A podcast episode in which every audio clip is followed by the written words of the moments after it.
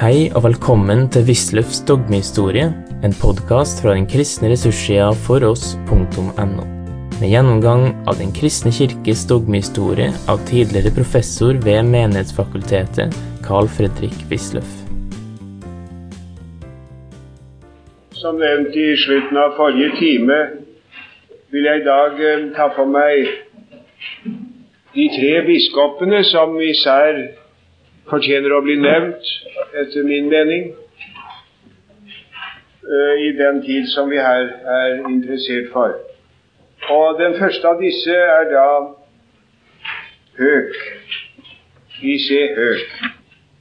Jeg har nevnt ham på en rekke steder, først på side 16, hvor det står litt om hans eh, data. Hans bakgrunn Han er eh, stammer ifra et velstående kjøpmannshjem.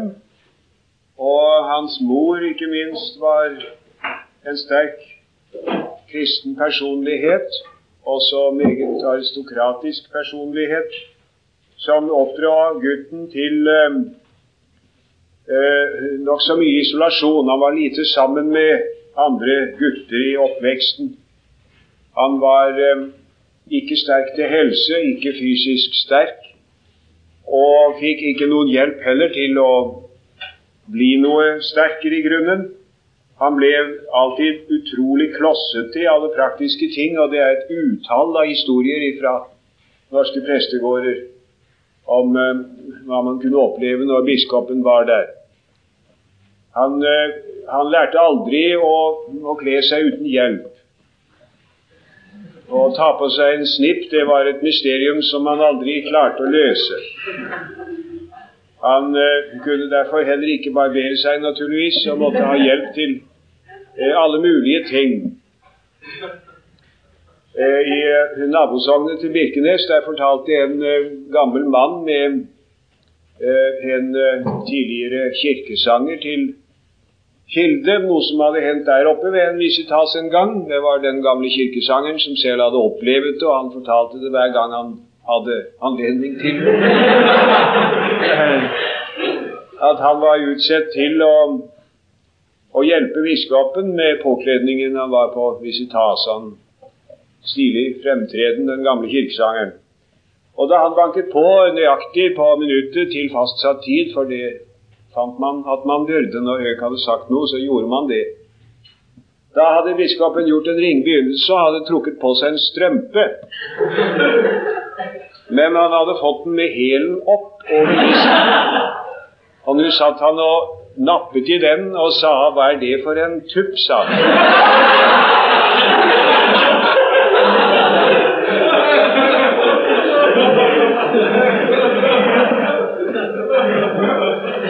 Verre historier også, men dem tør jeg ikke fortelle. Det er med andre ord en, eh, ikke en helt alminnelig mann på noe vis, dette er det her. Og eh, jeg tror nok at uh, man snakker om, om, originaler, så er det ikke mange vi har hatt av våre biskoper som er, som er merkeligere på mange måter enn biskop Høeg. Han eh, studerte hos Jonsson og tilegnet seg Jonssons system, helt og fullt i grunnen.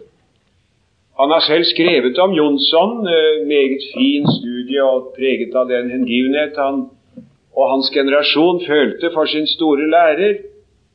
Han skildrer hvorledes han kunne bli så betatt av Jonssons forelesning at pennen bokstavelig falt meg av hånden, sier han, så han klarte ikke å skrive med. Jonsson dikterte sine forelesninger. Så ble han prest og reiste først en tur i Tyskland, studerte ved lutherske fakulteter og tilegnet seg en grunnfestet luthersk konfesjonell eh, grunnsyn. I grunnen mer det enn egentlig Jonsson. Han lå avgjort til høyre, liksom i så måte for Jonsson, som selvsagt ville være luthersk, det er sikkert nok, men som hadde mer av eh, den tidlige Erlanger-teologiens subjektive utgangspunkt enn det Høek omsider fikk. Så ble han personellkapellan hos Jørgen Moe Jørgen Moe var jo den kjente folklorist, ble prest i forholdsvis fremrykket alder og ble biskop. Det er jo en skikkelse som vi kjenner også fra andre kanter. Jørgen Moe. Han uh, lærte der, sier Kristoffer Brun et sted, og jeg tror med rette, å forene den jonssonske vekkelses ild med det mest verdifulle i den gamle prestelige overlevering. Den gamle prestelige overlevering. Det gjorde jeg meget heldig valgt av Kristoffer Brun, for det er akkurat sånn det er. Det er den gamle pastorale visdom som, som eh, prestegenerasjoner har samlet opp, og som går videre fra den ene generasjon til den annen. Og det er i sannhet en sum av erfaring som man på ingen måte skulle tenke lite om. Den kom ham så til gode i høy grad da han ble lærer ved Det praktisk-teologiske seminar, hvor han var i fem betydningsfulle år, fra 75 til 80. Han skrev eh, der Eh, atskillig om slikt, og bl.a. den lille boken 'Sjelesorgen hos de syke'. Den skulle de lese, forstår de. Absolutt, altså. Eh, før de går ut i tjenesten, da, i ethvert fall. Og får de tak i den, så antikvarisk, så slå til med en gang den perle. En merkelig liten bok med dyp pastoral visdom om sjelesorgen hos de syke. Jeg har eh, skrevet litt eh, i en eh, avhandling i TTK om embetssynet hos disse praktikumlærerne, og da også om Høek på grunnlag av bl.a. hans forelesninger. Og det er helt på det rene at hans grunnsyn var høykirkelig. Da i den prinsipielle mening som jeg her hele tiden bruker, nemlig et grunnsyn ifølge hvilket embetet er det primære i forhold til menigheten jeg gjentar Andreas Seierstads oppsummering av det nylutherske grunnsyn at, menighet, at uh, embetet produserer menigheten. Det er riktig sett. Og det finner man akkurat hos Høeg. Han var, uh, hadde absolutt ikke noe syn for, for uh, legmannsvirksomhet. Han skrev uh, i 77 i sin tids, tidsskrift, Luthersk ugeskrift, som han utga sammen med F.W. Bugge, en analyse av dette fenomen som heter Lutherstiftelsen og legpredikanter. Lutherstiftelsen, altså Jonssons indremisjonstiltak, var en usurpasjon, altså en urettmessig tilegnelse av en rett som embetet alene har. Han begynner riktignok med å gjøre en dyp reverens for Hans Nilsen Hauge. Det er så rart med det som ligger litt langt tilbake i tiden. Og eh, For han var utvilsomt en ekstraordinær nådegave. Det, men derimot så ser han ikke noen sådan ekstraordinære nådegaver blant legpredikantene i sin egen samtid. Det er høyst ordinært, sier han, og har ikke noe egentlig å komme med. Og skulle man i det hele tatt ha legpredikanter, så må det være under kirkelig tilsyn. Det må ha kirkelig autorisasjon og stilles under tilsyn av presten, sier han i denne artikkelserien. Så ble han sogneprest i Uranienborg. Det var Slottskapellet som var slottskirke til å begynne med. Og der prekte han da eh, under veldig tilstrømning. Det har vært sagt at alle hans prekener er stridsprekener, og det er visst sant.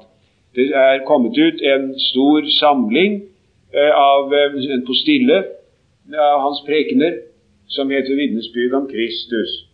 Og Det er alltid noe som han vender seg mot, som Velle har sagt meget riktig, enten det er den moderne vantro eller det vantro menneskehjertet, eller hva det er for noe i egenrettferdigheten. Alltid tordner han. Og alltid sto han like som lenet forover, utover prekestolen, hvis han kunne rekke det, sier Velle, og da minnet han med sin nese og sin profil påfallende om den rovfugl hvis navn han bar, sier Velle. Han eh, er en av de store apologeter i vår, i vår kirke. Han kastet seg uten minste frykt ut i kampen i 1880-årene. Ja, før oss. Han begynte med Bjørnson. Han skrev imot Bjørnson, som hadde eh, en artikkel undertegnet en kristen. Da visste Høg foreløpig ikke hvem som hadde skrevet den, men han akslet straks sin rustning og rykket ut. Og Det førte da til en eh, replikkveksel i form av altså en brevveksling som er kostelig. Jeg har sitert litt av den der, hvor Bjørnson forsøkte å sjarmere Høk og inviterte ham til Aulestad, ligge i gresset og, og høre på fuglene som gjør pære narr av dem over deres uh, upåbedelige doktrinarisme, for fuglene elsker den fri forkynnelse, skriver han. Men det var, lykkedes aldri han for noe menneske å sjarmere Høk, og ikke for Bjørnson heller. Og han tok da senere for seg også Bjørnson som teolog. Men uh, det var også større folk han gikk ut med, og det var Brandes. Brandes er jo naturligvis den, Dette er jo velkjente ting fra historie og litteraturhistorie uh, som de kjenner godt til om, om Georg Brandes og den innflytelse han hadde også her hos oss.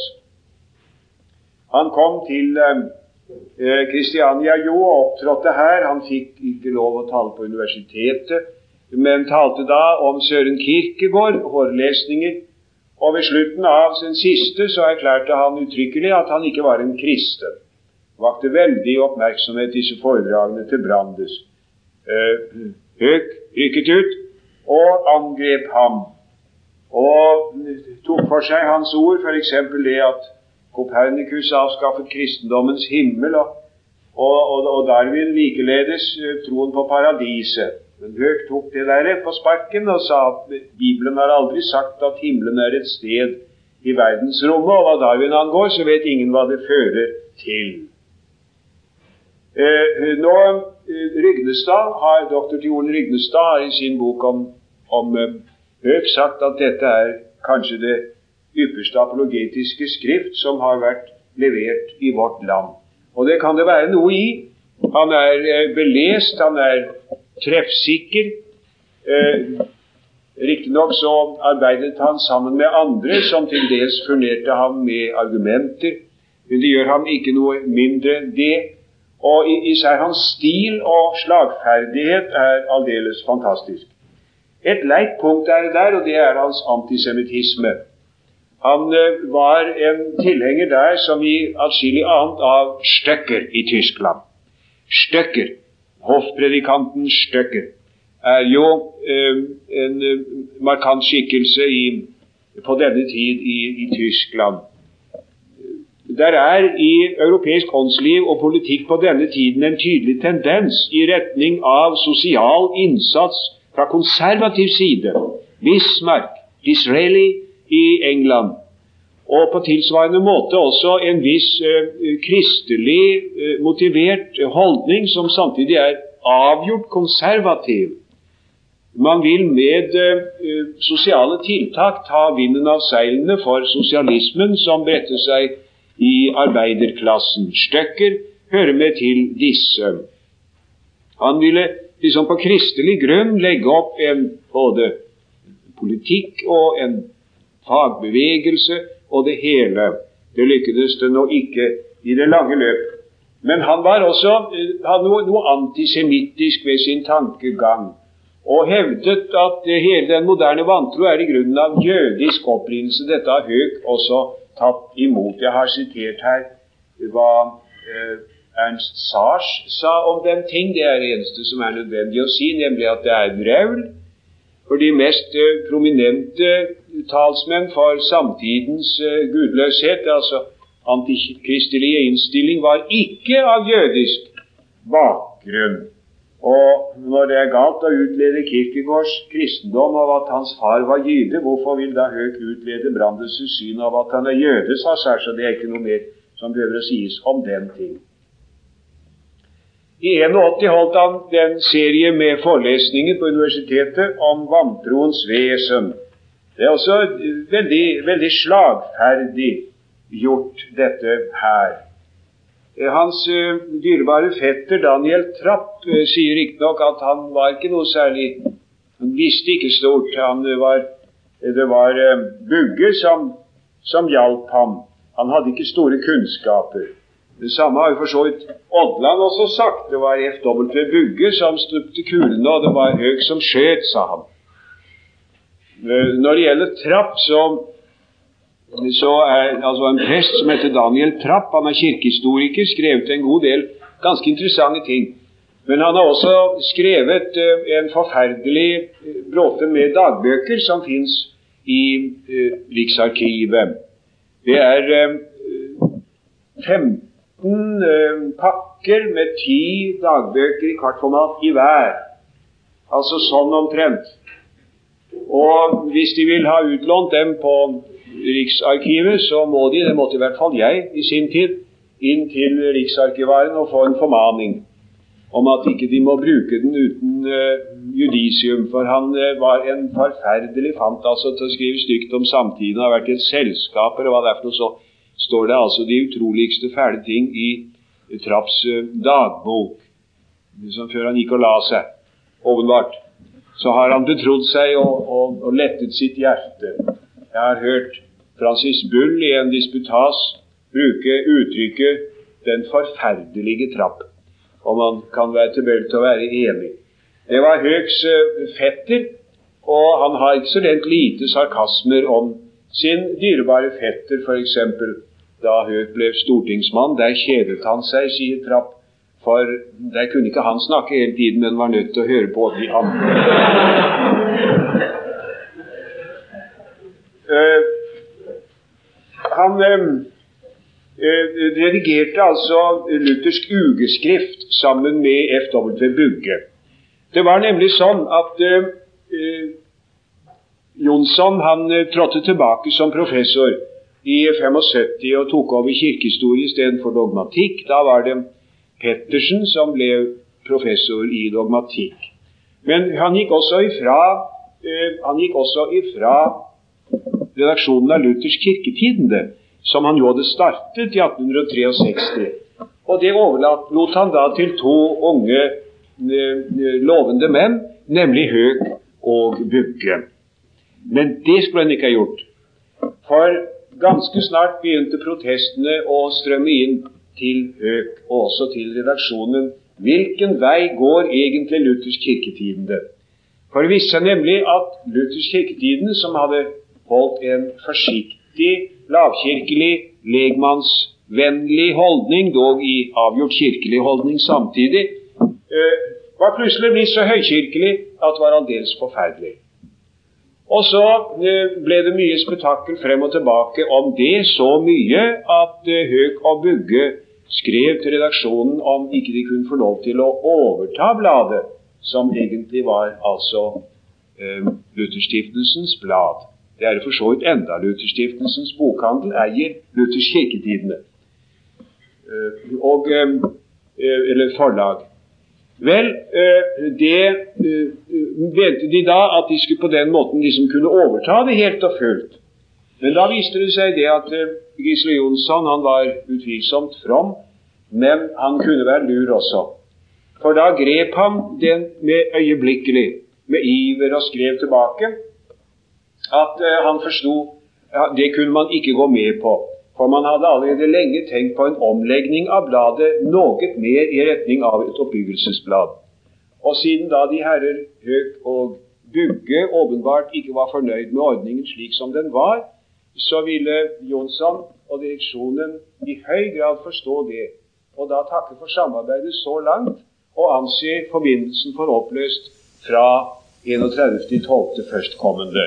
En elegant. Men Høk kom allikevel bak på dem. For i et av de siste numrene av luthersk eh, kirketidene i 77 så står det det at ifra år står først denne korrespondansen gjengitt, så den kan alle lese. Og så står det det at fra årsskiftet vil det komme et nytt blad som vil fortsette den tradisjon som Luthers kirketidene nå i to år har hatt. Det skal hete luthersk ugeskrift. De som da ønsker å beholde det blad som de har hatt i de siste to år, de må si opp Luthers kirketidene og isteden abonnere på Luthers ugeskrift. Men de som fra nyttår ønsker et helt annet blad, de må beholde sitt, eh, sitt abonnement på Luthers, Luthers eh, kirketidende For det vil da, ifølge direksjonens utsagn, fremstå i en helt annen skikkelse. Det, det, er da også eksempler på gamle prester som har bundet inn hele serien, så til og med 77 så heter det luthersk eh, kirketidende, men med samme utstyr kommer det videre luthersk ugeskrift. Og det var i mange år høykirkelighetens og den politiske eh, konservatismes faste borg. Høk gikk ut, og isteden kom inn Michael Ferden, som var eh, kanskje den mest eh, prinsipielle av disse. Han forlot senere dette standpunkt, han har jeg visst nevnt, og ble en av bibelkritikkens foregangsmenn i vårt land. Ferden, Michael Ferden. Eh, når det gjelder Høgs stilling til politikken, så har jeg skrevet litt om det også. Han eh, hadde der faktisk altså Det står det på side 23 og følgende Den politiske eh, liberalisme, mente Høk var ikke noe annet enn vantroens kamp for å tilintetgjøre autoritetens makt i samfunnet. Og Kristendommen den sier at fri blir du ved å bøye deg under Guds nåde, mens radikalismen sier du blir ikke fri med mindre du bekjemper alt som setter skranker for din frihet. Og Dette utvikler han da med meget stor dyktighet og, og, og blendende stilistisk sett, men man ser jo ved nærmere eftertanke at det teologisk sett er uholdbart. For han blander jo der sammen i virkeligheten kategoriene Frihet og gjenfødelse, hva betyr det i de forskjellige sammenhenger som her er, eh, kommer i betraktning? Eh, den petit-notisen der på side 24 kan de jo lese, og jeg mener der å ha vist at Høg eh, der blander tingene sammen. Radikalistene vil riktignok bryte med den gamle politiske autoritet, men den frigjøring som der vil oppnås, er jo ikke den åndelige frigjøring det ligger et helt annet plan.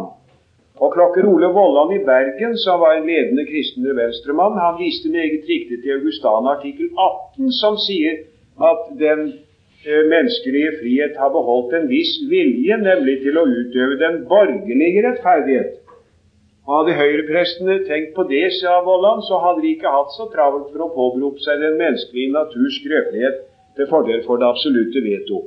Og den var, syns jeg, meget velplassert og saklig sett fullstendig riktig.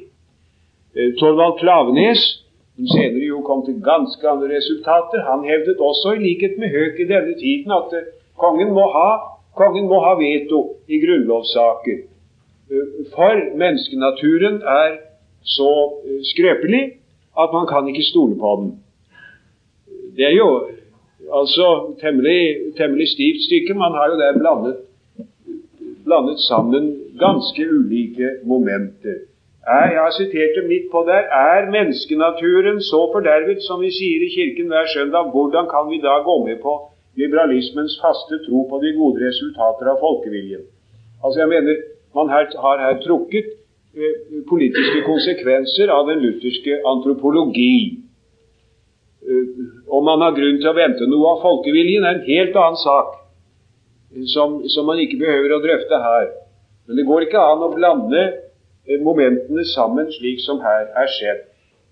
Og Jeg vet ikke hva de syns om Høgs eh, ord her om noe så opprørende og tyrannisk som den alminnelige stemmerett, som i ethvert samfunn legger makten i de umyndige og vilkårlige massers hånd, må være ordenens og rettferdighetens Gud imot, skrev Høg. Eh, men eh, nå gikk det jo altså så galt da eh, for de konservative at oppråpet av 1883 kom.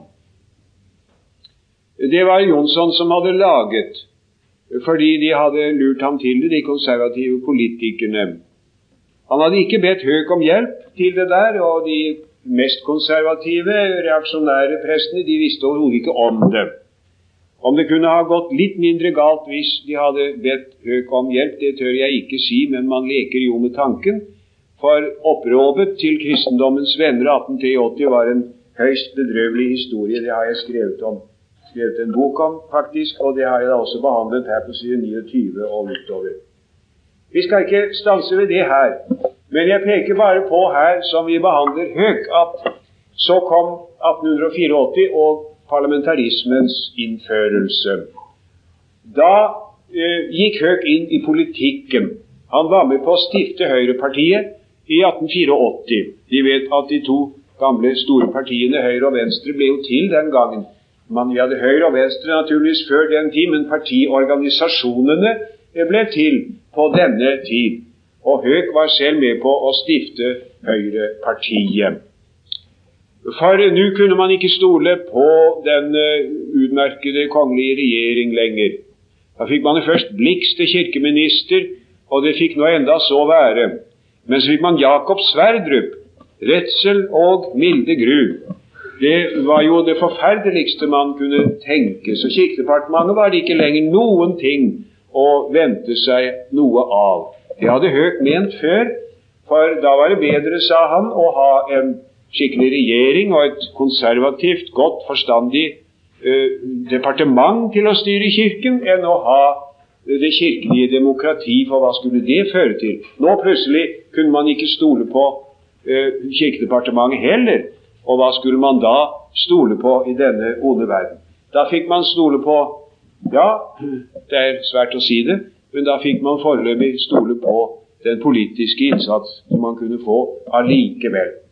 Og så kastet Høeg seg inn i politikken og i kirkepolitikken. Det varte ikke så veldig lenge. Han var på Stortinget og eh, var nokså skuffet over det han eh, kunne utrette der. Hans i bunn og grunn konservative grunnholdning kom til uttrykk forskjellige steder, f.eks. For da det var tale om kvinners stemmerett. Biskopen, eh, biskop I.C. Høeg og legpredikanten Eh, Andreas Lavik sto på hver sin side eh, da det var debattert om kvinners stemmerett. Og så kommer 1890-årene med den liberale teologi. Da var Høk blitt biskop i Kristiansand. Men altså, eh, som biskop så møtte han da plutselig det som han tidligere ikke hadde kjent noe til. altså Det var det troende legfolk, indremisjonslegfolket. Og det har han skrevet om, og skrevet også til Kirkedepartementet om, at han kunne ønske de, de kirkelige skrålhalser i Kristiania å få litt kjennskap til denne pietismen før de så voldsomt kritiserer den. Der hadde det tatt seg litt bedre ut med noe mer selvkritisk tone, altså, for han hadde jo selv i sin tid hørt i høy grad til disse skrikhalser som skrev om det de ikke kjente noe til. Høk og legfolket nede i Kristiansand, altså det vestlandske legfolk Før het det jo Vestlandet, vet de, helt til Arendal. Det er, det er uh, Wilhelm Krag som har skapt uttrykket Sørlandet. Det var ikke oppfunnet ennå på denne tid, så det het Vestlandet. Uh, og han Som biskop i Kristiansand så er, ble denne historien om Høk og, og legfolket uh, en egenartet, et egenartet kapittel. Han, han, det sto en dag i Kristiansands Tidende at Hans Høyverdighet biskop Høek var i går til stede på møte i bedehuset og avsluttet med å lyse velsignelsen. Da sto det like etterpå i avisen at herr redaktør, hvis man for fremtiden skal notere alle de ganger jeg kom til å besøke bedehuset, så vil det bli ganske ofte. Han var, trivdes i virkeligheten godt iblant dette legfolk da han lærte dem litt å kjenne.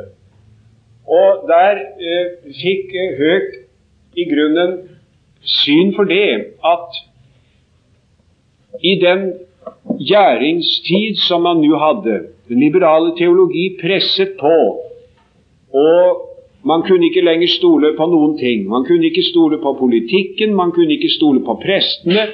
Da var det i virkeligheten det gammeltroende legfolk som var det eneste man foreløpig kunne satse på. Og så lukket han sine øyne for kirkelige uregelmessigheter og ble ganske overbærende overfor det han hørte i så måte. Berømt er jo hans uh, uh, telegram til en prest som hadde søkt om noe. Og uh, Høg svarte telegrafisk tilbake hvis spørres, nektes. så visste han det.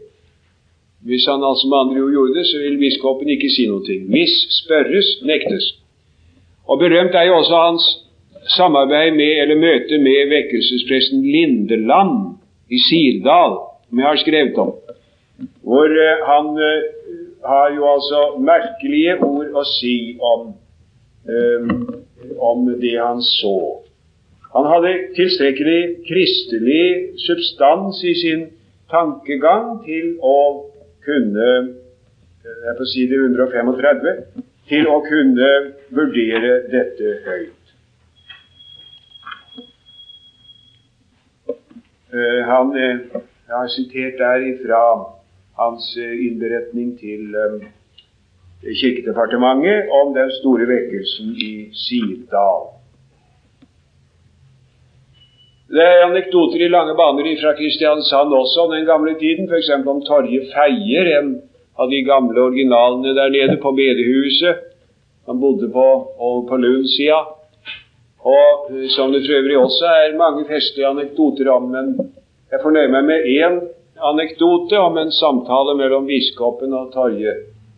Torje hadde talt på bedehuset, og Biskopen hadde hørt og sa det at det var en god prediken, min kjære Torje. Jeg mener likefrem at du godt kunne bli biskop, så fikk jeg være skorstensfeier. Ja, da ble det ikke rart med skorstensfeiinga i Kristiansand, sa Torje.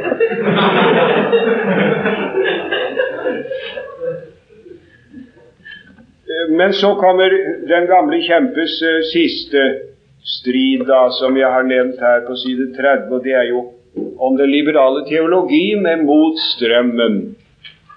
Uh, han skildrer der det, det, er jo altså en av de klassikere som jeg mener man bør ha lest. Uh, motstrømmen. Den, uh, det er en av, de, en av de virkelig få kirkelige debattbøker i vår nyere kirkehistorie som har blivende interesse. Han eh, forteller der hvorledes han hadde fulgt med til stadighet og lest blader og tidsskrifter og bøker som kom fra Kristiania. Og med stigende uro hadde han merket seg hvordan det teologiske klima likesom ble et annet. Og jeg har sitert litt om dette her. Han savner korsets ord man sier Jesus av Nasaret istedenfor Jesus Kristus, Guds sønn. Men Jesus av Nasaret er, Nazaret er det navnet han fikk av sine motstandere, det sier Høg. Han savner med andre ord det kvalitativt kristelige. Det hele blir så allmennreligiøst. Og så retter han anklagen i seg mot Klavenes, Brun, Jansen og Gleditsch, som han kaller overgangsteologer og mener dermed at de forbereder overgangen til ren rasjonalisme. Det ble en voldsom strid omkring denne boken, og en får nok si at han, han vant ikke noe særlig gehør blant prestene etter alt å dømme, i hvert fall skriver T.H. Godal eh, at han ble en ensom mann i Kristelig Ukeblad. Det var Godals inntrykk, og det inntrykk får man. Men i det lege kristenfolk, der fikk hans ord veldig gjenklang. Og som han sier i boken som kom etterpå, svar at uh, tross alle motsigelser kommer min bok hver måned i tusen nye eksemplarer. Og uh, så ble han beskyldt for å være ukirkelig, den gamle høykirkelige mann, ved sitt angrep på prestene for deres forkyndelse. Han sår mistanke mot prestene. Nei, sa han, der føler jeg meg ikke ikke truffet. For hvis en prest føler seg mistenkt for rasjonalisme, så behøver han bare gå på prekestolen førstkommende søndag og gi en fulltonende bekjennelse til Jesus Kristus, Gud og mann og frelsen i Hans navn, så er mistanken borte, og takk og velsignelse vil følge presten på vei hjem ifra kirken. Men hvor, mistanken er berettiget, sier han, der føler jeg ingen som helst medlidenhet med presten. Ikke spor. For sann kirkelighet er én ting, og prestelighet er noe helt annet. Og prestelighet er bare den geistlige laugs ånd som fordrer at prestene skal beskyttes imot all mistanke. Nei, denne prestelighet som så ofte gjør krav på å være sann kirkelighet, for den har jeg ikke den ringeste medfølelse for den. Dertil er min medfølelse for menighetene for stor, sier Høeg. Eh, han var på dette tidspunktet gammel og syk. Han led av astma. Og J.J. Eh, Jansen, en av disse som han angrep, som var en av den nye prekenteoris og prekenmetodes eh, foregangsmenn i vårt land, forteller i sine erindringer at han traff biskopen oppe på Voksenkollen på et, på et sanatorium der, på et, et hotell. Eh, hvor han hadde søkt hen for å få litt lindring for sin, sin plage med astmaen. Han uh, døde i 1904, var det vel? Jo. Og hans siste ord på dødsleiet er nedtegnet av dem som var til stede. Da sa han at de lange, søvnløse netter har jeg tenkt igjennom mitt liv og har funnet så mye som jeg måtte angre. Kun ett har jeg ikke angret, at jeg har forkynt Kristus, og det ville jeg gjerne skulle bli sagt ved min båre. Det er i høy grad en merkverdig skikkelse, Johan Christian Høeg. En mann med dimensjoner, med feil i grunnen med sin personlighet og merkverdige eh, spenninger i sitt grunnsyn, men eh, allikevel mulig å finne en linje i det, og det er den ubrytelige fastholden ved eh, troen på Bibelen, Guds ord, og på kristendommens sannhet efter vår kirkes bekjennelse. Den andre biskopen som skal nevnes, er eh, Johan Lunde. 200 og 46 har jeg fortalt om at han var sammen med Bjørnes Jacobsen, de første, den første biskop som kan sies å være folkevalgt, for så vidt som at det var første gang eh, menighetsrådene eh, trådte i funksjon ved det såkalte bispevalg. Det er jo ikke noe bispevalg, naturligvis, for de velger jo ikke biskopen. Regjeringen utnevner biskopen, men det er en rådgivende avstemning. Og den falt så helt entydig ut til fordel for de konservative kandidater. Det var riktignok vanskeligheter i regjeringen, men kirkeminister Olsen Nalum, som ville ha disse to gammeltroende menn til biskoper, han utsatte avgjørelsen i statsrådet inntil eh, det var på et tidspunkt midt på sommeren, da det var et passelig antall fraværende statsråder. Da hadde han flertall og smelte igjennom. Det var offentlig hemmelighet i vel informerte kretser. Eh, Lunde var eh, i høy grad en folkets mann. Han hadde vært, eh, var fra Lillehammer, han hadde vært prest i Setesdal og i Stavanger, Bygland og i Stavanger, i Johannes menighet i Stavanger, og hadde overalt vakt mye røre ved sin folkelige forkynnelse. Så var han kommet som prest til gamlebyen her i hovedstaden, og ble altså valgt til biskop man, man, må jo si at han på mange måter var ytterst forskjellig fra den eh, problemfylte personlighet som jeg først har nevnt. Høgst dimensjoner hadde han nok neppe. Han har heller ikke skrevet noe nevneverdig. Det er ikke noe nevneverdig litterært etter ham, med unntagelse av barneprekenene. Og de lever jo i høy grad, og de vil de vel antagelig ha vært borti, tenker jeg, eh, Johan Lundes barneprekener. Der var han en av de første som kunne mestre den, eh, den kunsten. Han eh, hadde en egen forunderlig måte å få kontakt med ungene på. Det har ingen kunnet begripe som ikke har opplevd det. Eh, jeg husker da vel endelig at min meget yngre yngste bror kom hjem fra kirken og hadde fått beskjed av biskopen at han skulle be om å få en lapp papir, og på den skulle han skrive 'Herren er min hyrde'. Men han syntes ikke det var bra nok, så han fikk en stykke med sånn hullkartong, het det. Kalte vi det i hvert fall. Der broderte han med rød silke 'Herren er min hyrde'. Og øh, hans moder la et rødt silkebånd under, og det ble innsendt til biskop Lunde. Flere år etterpå har jeg tilfeldigvis sett det i Bibelen hans. Men altså poenget er at Prøv det, om de kan få Sarpsborg kirke, som er sprengfull av skolebarn, til å gå hjem og gjøre det som de har bedt dem om, i noen nevnverdig grad, og så skrive opp det som man har bedt dem om å skrive. Prøv det, hvem som vil. Han hadde en ganske fabelaktig måte. Det lønner seg også å analysere hans barneprekener litt. Det er veldig enkelt.